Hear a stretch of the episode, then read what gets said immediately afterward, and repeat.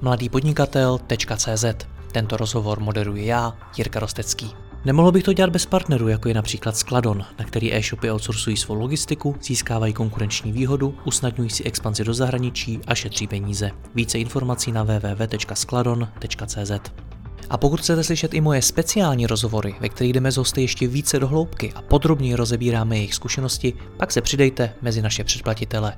Více na www.mladýpodnikatel.cz lomeno předplatné. Užijte si poslech.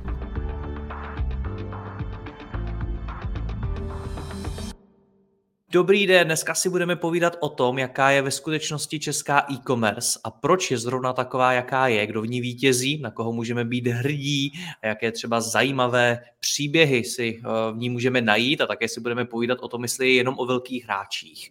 Povídat se o tom budu s jedním z nejpovolanějších hostů v Česku a tím je šéf největší tuzemské e-shopové platformy ShopTet Samuel Huba. Same já tě vítám, ahoj. Jirko, díky moc za pozvání, ahoj. Já už jsem několikrát v mých rozhovorech uh, slyšel, že jsme e-shopová velmoc. Proč vlastně, jak to vzniklo tohle, že to o sobě říkáme? A ono to pramení z čísel, protože keď sa pozrieš na to, ako v Čechách vyzerá trh e-shopov, tak máme v rámci Európy najväčší podiel e-shopov na obyvateľa, čo je, čo je ako super prvenstvo. A je to vlastne dôkazom toho, že ten český trh je, je čo sa týka e-commerce, hodne vyvinutý, hodne, hodne náročný a ja si myslím, že to je len dobré. A čím to je, že ich máme tolik? Tých dôvodov je viacej a taký ten hlavný, ktorý, ktorý tam vidím je vlastne technológia, ktorá sa za tie roky vlastne posunú, alebo de facto digitalizácie retailu, pretože v tej svojej podstate e-commerce je je vlastne digitalizácia toho, čo tu máme tisíce rokov. A ľudia od nepamäti si vymieniali tovar a potom do toho prišli peniaze, vymieniali tovar za peniaze, aby potom vlastne mohli kúpiť to, čo potrebujú. No a ten retail bol vlastne hodne dlhú dobu, de facto od svojho začiatku offline, potom prišli samozrejme digitálne technológie tých, tých posledných, posledné desítky let ktoré nejakým spôsobom zefektívňujú to, čo už ale fungovalo. No a, a prečo práve v Čechách je, je ten, ten, ten, tá e-commerce takto rozvinutá, tak si myslím, že je práve vďaka technológiám. Tie, tie technológie a vlastne otvorili brány a do toho, čo znamená začať, čo znamená spustiť si e-shop alebo začať podnikať online.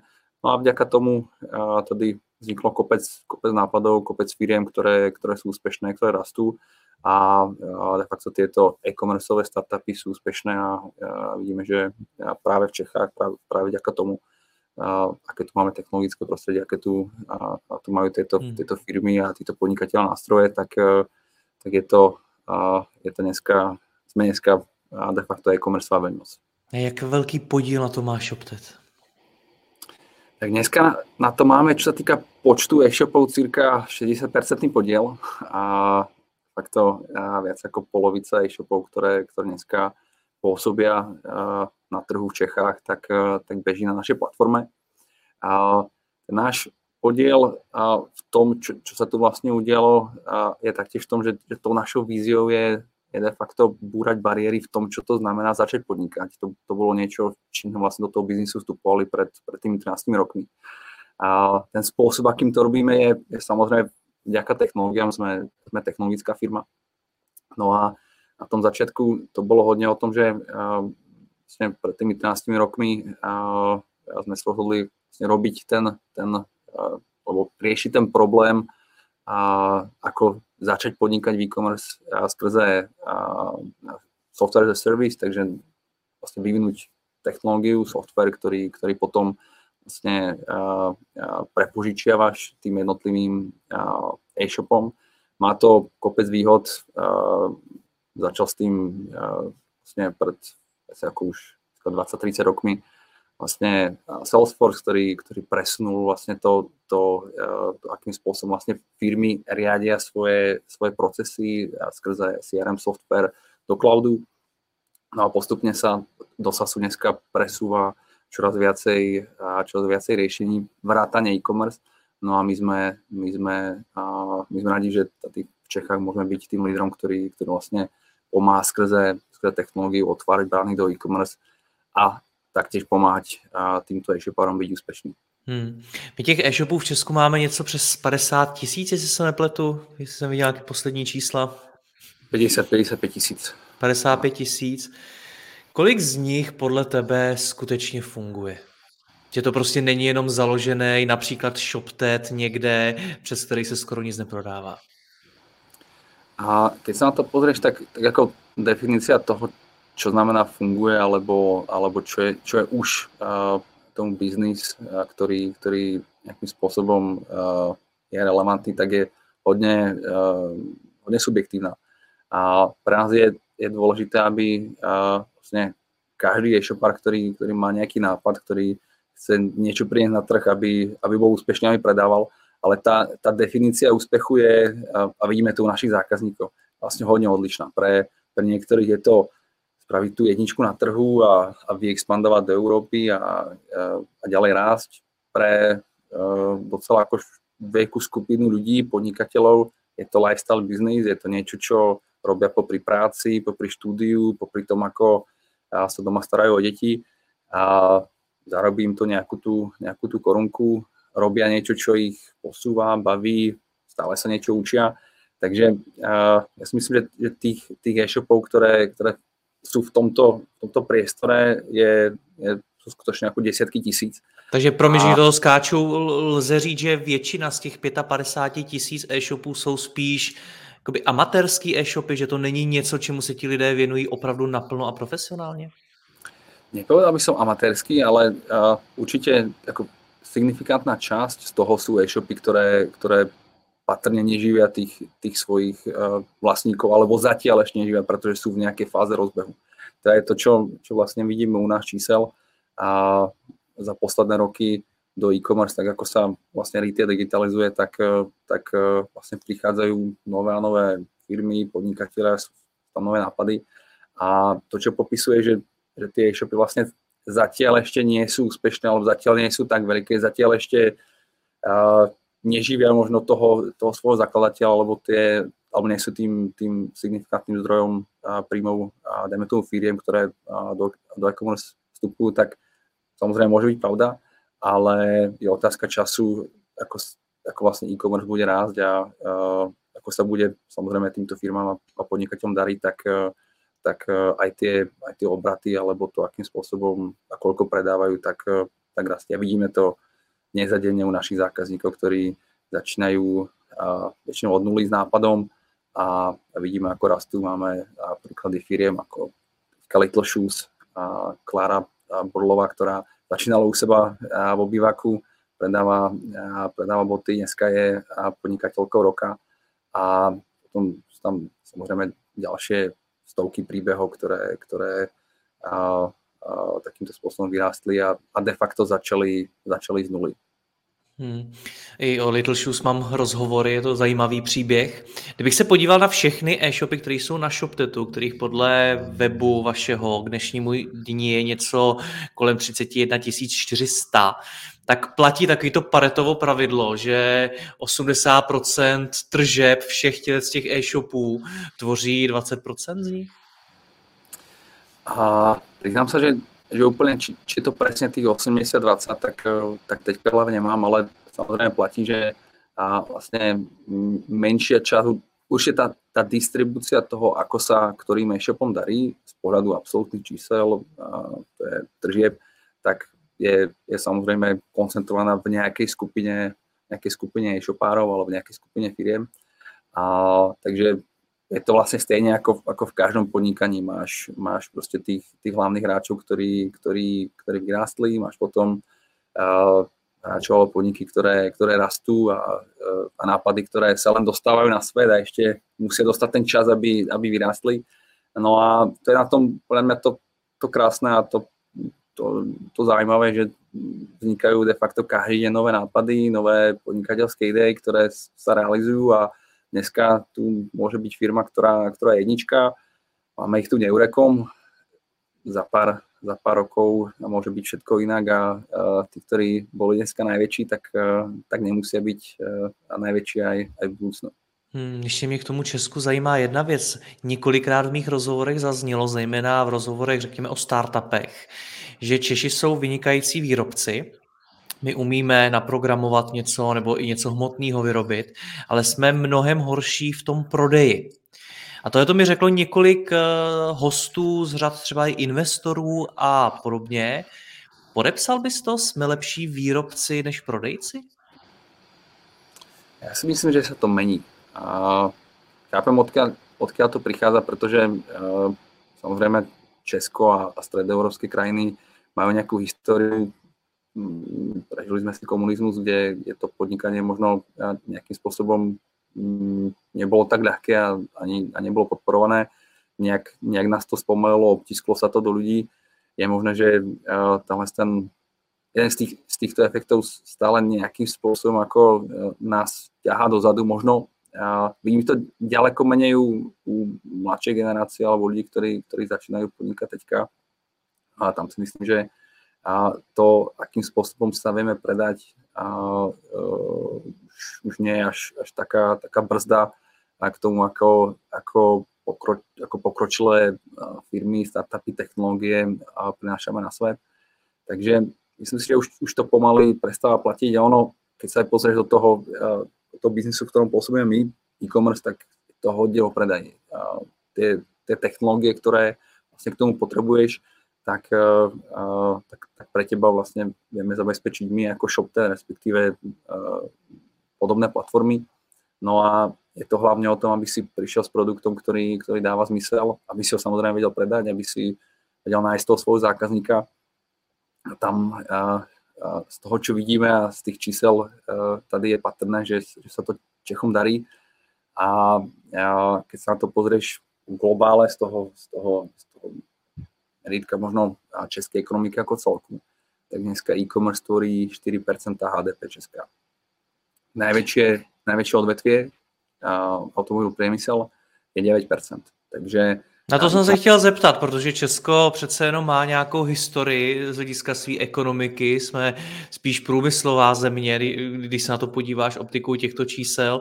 Když se řekne 4% český e-commerce, je to teda hodně nebo je to málo? Ja si myslím, že v porovnaní s tým, čo, čo je vlastne vidieť v Strednej Európe, tak, tak je to hodne a Česko je de facto e-commerceová veľmoc z viacerých meradiel. Jedným z nich je presne podiel vlastne e-commerce na HDP. Ďalším je spomínaná digitalizácia retailu, to znamená, aký podiel z toho, čo sa predá v rámci retailu, sa predá skrze e-commerce kanály, skrze digitálne kanály. Tady sme taktiež vlastne v stredoeurópskom regióne jednička. Ten podiel je, ide okolo 17%, pre porovnanie Slovensko 10, Maďarsko 10-11, takže tady sme skutočne tomu zvyšku regiónu utekli. No a čo sa týka tej, tej dôležitosti vlastne toho, toho e-commerceového sektoru alebo industrie. Jestli e-commerce může konkurovat už zemědělství, průmyslu, energetice a podobně v české ekonomice? Uh, ja si myslím, že jo, už konkuruje a už, už, už sa to deje. My, ako z tých čísel je patrné, že uh, e-commerce dneska pracujú desiatky tisíc ľudí a tvorí to signifikantnú časť uh, domáceho produktu a ten podiel vlastne digitálnej ekonomiky stále rastie. Ten trend je, je de facto jasný, keď sa pozrieme do, do západných krajín, ako napríklad Veľká Británia, tak ten podiel vlastne e-commerce na, na celkom retaile sa približuje 30%. Takže stále je tam obrovský priestor na rast a myslím si, že aj vďaka technológiám, aj vďaka zlatým českým ručičkám, vďaka inovatívnosti ľudí, vďaka tomu, že ľudia chcú podnikať, chcú, chcú vlastne prinášať eh, eh, zákazníkom stále niečo nové, neboja sa toho. A tradične Česko má, má vlastne vo svojej histórii podnikavosť a, a remesla a vlastne a, a, robiť, robiť eh, stále vlastne prinášať niečo nové. Tak a, a ja verím tomu, že, že tento trend bude aj naďalej pokračovať a, a zatiaľ to vidíme aj v číslach. Kdo ten trend vede? Platí to, co se taky říká, taky to zaznělo několika, několikrát v mých rozhovorech, že se rozevírají nůžky mezi malými a velkými e-shopy v Česku? Já si myslím, že, a vidíme to aj v čísel, že ty nůžky se právě naopak zatvárají. Že ten, ten, ten, ten leadership tých veľkých hráčov, či už je to Alza, MOL alebo, alebo uh, ďalší, ďalšie veľké brandy, ktoré, ktoré vyrástli a, a samozrejme spolu s tými malými strednými firmami a, a podnikateľmi, tak, uh, tak sú určite na tej, na tej vlne digitalizácie a vlastne pomáhajú uh, penetrovať ten retail a čoraz viac. Ale je to aj vďaka technológiám vďaka tomu, že, že tie, tie technológie nejakým spôsobom demokratizujú to, čo to znamená mať perfektnú platovnú experience, perfektnú platovnú bránu, prístup k tým najlepším logistickým službám, prístup ku technológiám, ktoré ti dovolia automatizovať či už tvoj sklad, alebo to, akým spôsobom ten, ten, to tvoje e-commerce podnikanie funguje. A dovolujú ti mať vlastne stejnú užívateľskú skúsenosť ako tie, tí, tí najväčší hráči, aj keď si iba včera začal, tak aj vďaka tomu sa práve, práve že naopak tie, tie uh, uh, nůžky zavírají. A vidíme to aj v číslach a, a vidíme to vlastne teďka, kedy, kedy uh, vlastne Česko aj, aj vlastne ekonomika ako celok, svetová ekonomika, európskej ekonomiky a pravdepodobne vstupujú do recesie a po dvoch covidových rokoch a sa tá ekonomická situácia mení a hodne veľkých hráčov majú problémy. Videli sme to na začiatku roku s tým, ako e, začal konflikt na Ukrajine. Hodne firiem prestrelo tie, tie svoje očakávania a rozhodnutiami, ktoré sa teďka spätne už dajú vyhodnotiť ako patrne špatné, tak e, vlastne ohrozili fungovanie svojich, svojich firiem, nakúpili hodne na sklad, eh, nehľadali si cash flow, hodne boli závislí na, na marketingových videích, ktoré sa ktoré bolo hodne problematické vlastne v tom, v tej, v tom prvom a druhom kvartále roku, kedy de facto tie, tie predaje zastali a tie, tie nákladové štruktúry mali nastavené hodne vysoko a, títo veľkí hráči mali problémy a, a niektorí sa z toho dostávajú do teď a niektorí sa z toho nedostali a, a to tie, tie svoje firmy museli zavrieť. No a tu je ten, ten kontrast s tými malými strednými hráčmi a podnikateľmi, ktorí, u ktorých vidíme a, a je to patrné vlastne na číslach predajov, ktoré, ktoré vidíme u nás.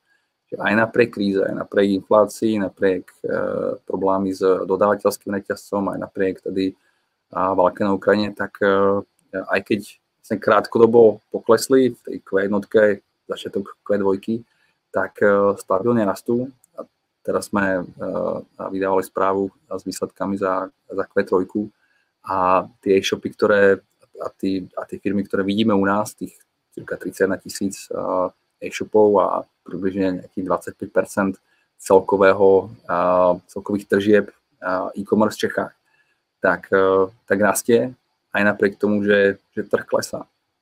A to mi, to mi hovorí, že presne títo, títo malí a strední podnikatelia práve naopak sa vedia ďaleko lepšie prispôsobiť a ten, ten trend rozevíraní nůžek uh, sa, sa uh, patrne zatvára a vlastne tí malí a strední využívajú tú prožitosť a, a naberajú market share, naberajú zákazníkov rastu. Hmm.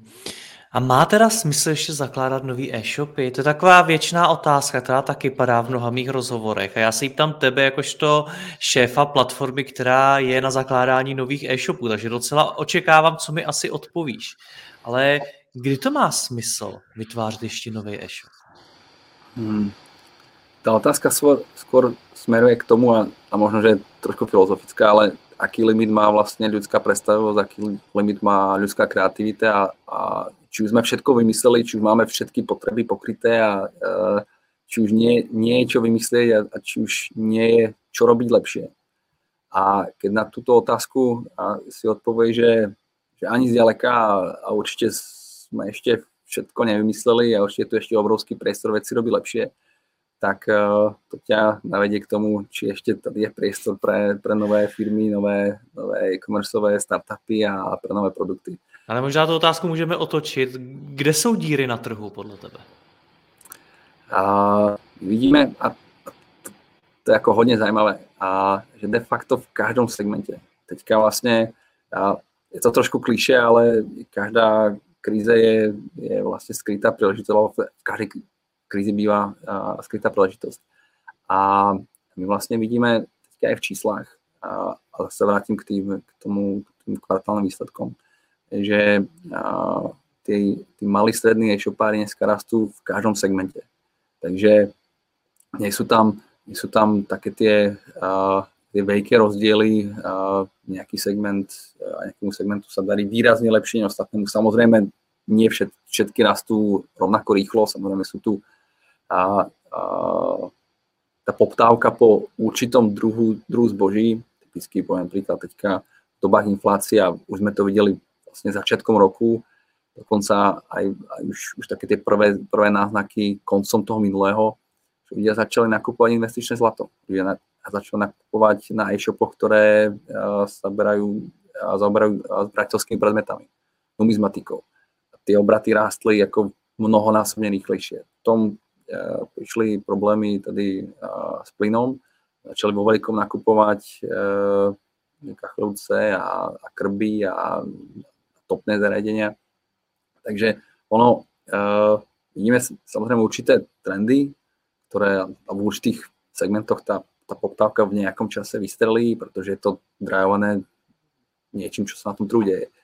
Ale a tie opportunity a tie príležitosti, ktoré, ktoré v e-commerce sú, tak sú de facto v každom segmente a, a je to zase o tom uh, prísť ako s niečím novým, prísť s niečím unikátnym.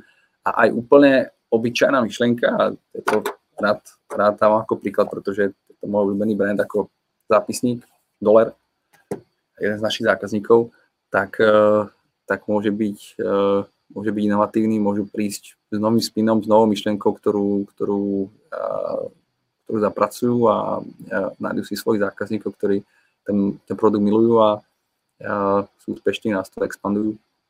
Takže to, je to skutočne o tom. Hmm, hodně teď mluvíš o tom, ukázal se třeba ten zápisník, na tom trhu je spousta zápisníků, který si člověk může koupit. Do jaké míry je to o tom produktu, o kterém mi připadá, že teď si mluvil primárně, a do jaké míry o schopnosti ho prodat? Je to spojené. A keď máš jako super vec a máš ju doma pod postelou a nikto o nevie, tak uh, patrne ľuďom nepomôžeš, ten problém nevyriešiš a vyrieši niekto iný. Takže pre mňa je vlastne marketing a sales o tom, ako nájsť svojho zákazníka, ako mu, ako mu vyriešiť problém, ako mu ukázať, že, že ten problém vieš vyriešiť lepšie. No a ide tu ruka v ruke. A bez, bez samozrejme vice versa, bez, bez uh, to dobrého produktu môže mať akokoľvek dobrý sales, tak uh, tých zákazníkov možno dostaneš ako k sebe, možno im niečo predáš, ale už sa k tebe nevrátia. Už uh, hmm. teba znova nenakúpia a nebudú spokojení a ten tvoj biznis nebude mať dlhé trvanie. Jakou roli v tomhle budou hrát marketplacy? O nich se taky často říká, že jsou vlastně budoucnost e-commerce. Marketplaces určite zaujímavá téma, pretože my vidíme, že v západných ekonomikách, kde tá história vývoja e-commerce bola trošku iná než, než tu v našich končinách, tak dneska majú, majú docela významný podiel a ľudia na nich nakupujú. A ako sa, sa na to dívam ja, tak marketplaces sú určite uh, zaujímavý kanál. Ja to vnímam ako vlastne ďalší spôsob, ako predať ten svoj produkt alebo, alebo ďalší predajný kanál, a cez ktorý predávaš. A ten predajný kanál má určitú svoju mechaniku, určité svoje pravidlá, ktoré mm, ten e-shopár, tá firma musí chápať a musí rozumieť, uh, ako to funguje tým jedným základným je, že na tom marketplace, alebo ten marketplace, čiže to Amazon, Alza, Mall, Allegro alebo e-mail ďalší, tak e, ten zákazník je ich. Zákazník je, je zákazníkom e, Allegra alebo, alebo Alzy a oni ti toho zákazníka požičiavajú. Keď ten zákazník si kúpi tvoj produkt, tak, e, tak si kúpi, ty za to zaplatíš, oni ti toho zákazníka požičajú, ty ho musíš vrátiť a keď zase ten zákazník má nakúpiť ten tvoj produkt na tom, na tom marketplace, tak ti zase toho zákazníka požičajú, za čo zaplatíš. Takže a, a, o nejakom budovaní ako dlhodobého vzťahu s tým koncovým zákazníkom samozrejme nemôže byť reč. A pretože to je, to je zákazník to marketplace a nie tvoj.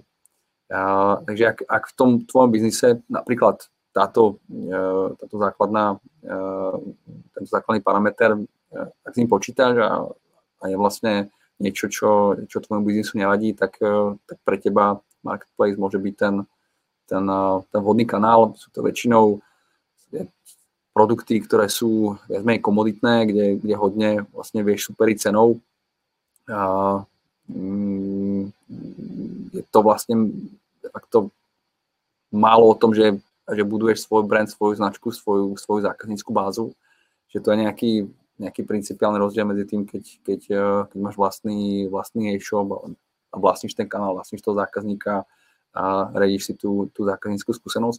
No a potom sú tam samozrejme nejaké, uh, nejaké mechaniky fungovania marketplaceov, ktoré, ktoré samozrejme musíš chápať, to akým spôsobom vyplácajú peniaze, Napríklad uh, musíš byť uh, hodne opatrný alebo opatrný, musíš počítať s tým, že to cashflow sa riadi inak na, na tvojom e-shope, spraví sa objednávka, peniaze, peniaze máš uh, a obyčajne uh, de facto hneď na účte.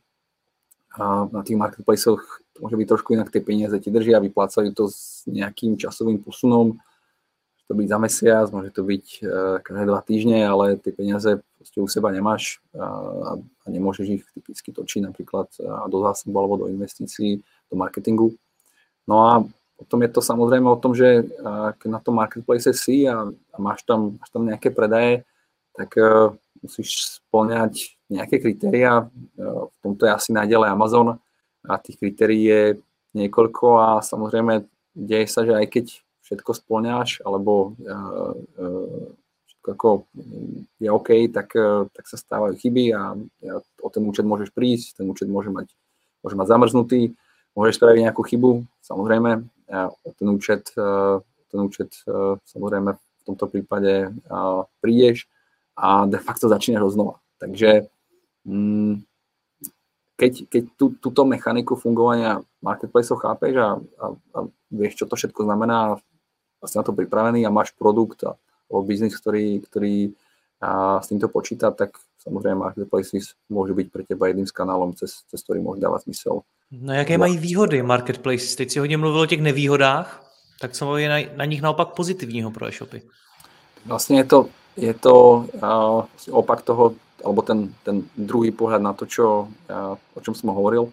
Na tej, na tej jednej strane samozrejme uh, ten marketplace, alebo tá, tá najväčšia výhoda je, že, že tie marketplace majú zákazníkov. Takže de facto, a keď na ten marketplace zalistuješ svoj produkt a, splníš tie, a, tie požiadavky a udeláš to vlastne správne, čo je taký disciplína sama o sebe, tak, a, tak tých zákazníkov ti vedia priniesť a, a samozrejme taký, teďka sa to už, už trošku skomplexňuje a už to nie je také jednoduché, že by, že by tí zákazníci ako automaticky chodili, typicky na Amazone už dneska máš nejaký, nejaký advertising systém interný a už, už, to, už to je ďaleko komplikovanejšie.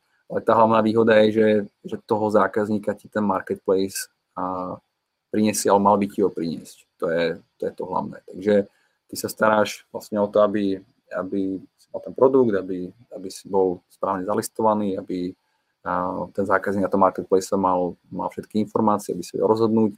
Ideálne máš najlepšiu cenu, pretože to je hodne vlastne kritérium, ktoré, ktoré na marketplace rozhoduje. No a ten marketplace ti potom požičia toho zákazníka alebo priniesie ti ten, ten predaj, za čo si samozrejme zoberie nejakú províziu. Hmm. A je to budoucnosť tedy? Pre niektorých e-shopárov si myslím, že, že určite to môže byť ako zaujímavý kanál to, či je to budúcnosť a celé e-commerce, tak uh, vlastne mám rád paralely histórii a uh, vlastne všetko, čo, čo sa tu bavíme, tak, tak sa nejakým spôsobom opakuje len v rôznych ako obmenách a vlastne marketplace za mňa sú niečo ako supermarkety alebo hypermarkety, ktoré vidíš dneska v retaile.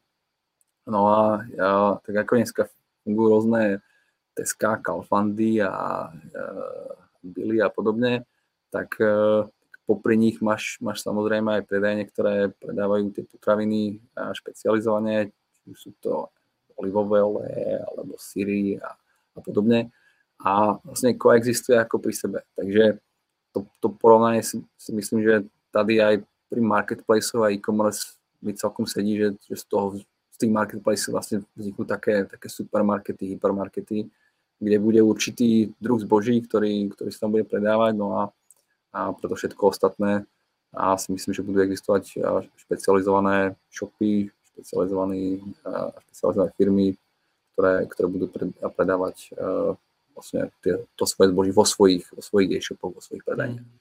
Ty máš díky ShopTetu přehled i napříč těmi menšími e-shopy, tak eh, na koho můžeme být hrdí? Co jsou také zajímavé příběhy, které by si vypíchnul? Jsou jich stovky.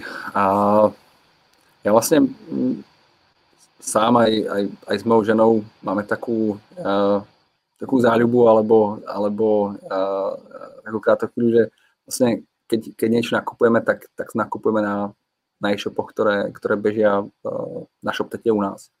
Takže tých príbehov uh, som videl ako stovky a ja pravidelne navštevujem našich zákazníkov. Je, je to pre mňa uh, hodne inšpiratívne a, a taktiež spätná väzba, čo môžeme robiť lepšie, čo, čo, ako im ešte viacej pomôcť. No a, a z mojej skúsenosti z toho, čo, čo sám používam, čo, čo máme doma a, čomu e, tie produkty sú, sú super, tak je to samozrejme dolar. A mám deti, takže sme riešili, e, kde budú spať, keď, keď vyrástli, tak e, a u nás funguje krásna firma Benlemy, dělají dětský nábytek, dětské postele. Bratři tak, Pompovi. Presne, presne. Takže a tiež firma, ktorá, ktorá vyexpandovala, sú na niekoľkých trhoch. A potom Wooders a tady na mojom stole v kancelárii mám od nich podstavec pod, pod monitor a je to Little Shoes, zase mám deti, takže a, žena ich oblieka do veci, ktoré, ktoré sú, sú vyrobené v Čechách a, a sú a, tady, tady z Česka. No a z tých takých, takých zaujímavých napríklad a, pred pár týždňami to myslím, že bolo, a, malý rozhovor a, vo Forbese, tak a, a, Angry Birds napríklad pánská kozmetika, zase uh, hodne uh, zajímavý branding a, a komunikácia, ktorá je unikátna, unikátne produkty, um, taktiež expandujú, hodne sa im dali rastú.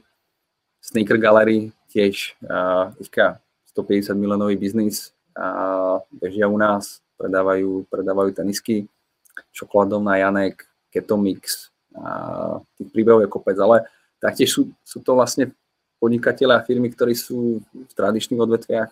Som sa za to troš, trošku viacej cestoval, tady, tady po Česku naštevoval našich e-shopárov a aj taký tradičný biznis, ako napríklad uh, pestovanie jahod a, uh, a potravín česneku a, a zeleniny, a tak, uh, tak môže byť niečo, čo uh, sa dá zdigitalizovať a vlastne predávať skrze, skrze e-shop. Taká jahoda nám Rožany typicky je jedným z tých príkladov, kedy vlastne tá firma začínala na, na maličkom poličku a, a dneska majú, majú docela veľký sklad, predávajú, predávajú do celého Česka, rozmýšľajú o tom, že, že budú expandovať na Slovensko. Takže... A jakže sa menují? Jahodárna Brožany. Mm-hmm. Jahodárna Brožany. No a napríklad Darkslide, skate shop, ktorý, ktorý vlastne má, má vlastné skateové dosky, vlastné dizajny, a predávajú to po celom svete. A, že určite tej, tých, tých kreatívnych nápadov sú, sú tisíce a tých firiem, ktoré začali ako, ako nápad alebo ako tradičný biznis, ktorý bol úplne mimo, a mimo online, tak, tak sú v Čechách už dneska tisíce, 10 tisíce dneska už. A sú tam naozaj krásne príbehy, kedy sa a, tieto firmy dostali de facto z nuly do, do, do veľkého biznisu a, a dneska točia desiatky miliónov, niektoré stovky miliónov v obrate ročně a, a darí sa im expandujú. Tak snad takových příběhů bude co nejvíc. Samé já ti moc děkuji za rozhovor, ať se vám v tu daří. Měj se hezky, ahoj. Díky moc, ahoj. Děkuji vám za poslech tohoto rozhovoru a zvu vás i mezi naše předplatitele. Tvořím pro ně speciální rozhovory se zkušenými podnikateli, manažery, freelancery a dalšími profíky ze světa biznesu. V tématech jdeme ještě hlouběji a připravujeme pro vás konkrétní praktické zkušenosti z podnikání. Snadno tak objevíte cené zkratky a informace, které vám pomohou ve vašem biznesu. Více zjistíte na www.mladýpodnikatel.cz lomeno předplatné. Děkuji vám a zase někdy naslyšenou. Jirka Rostecký.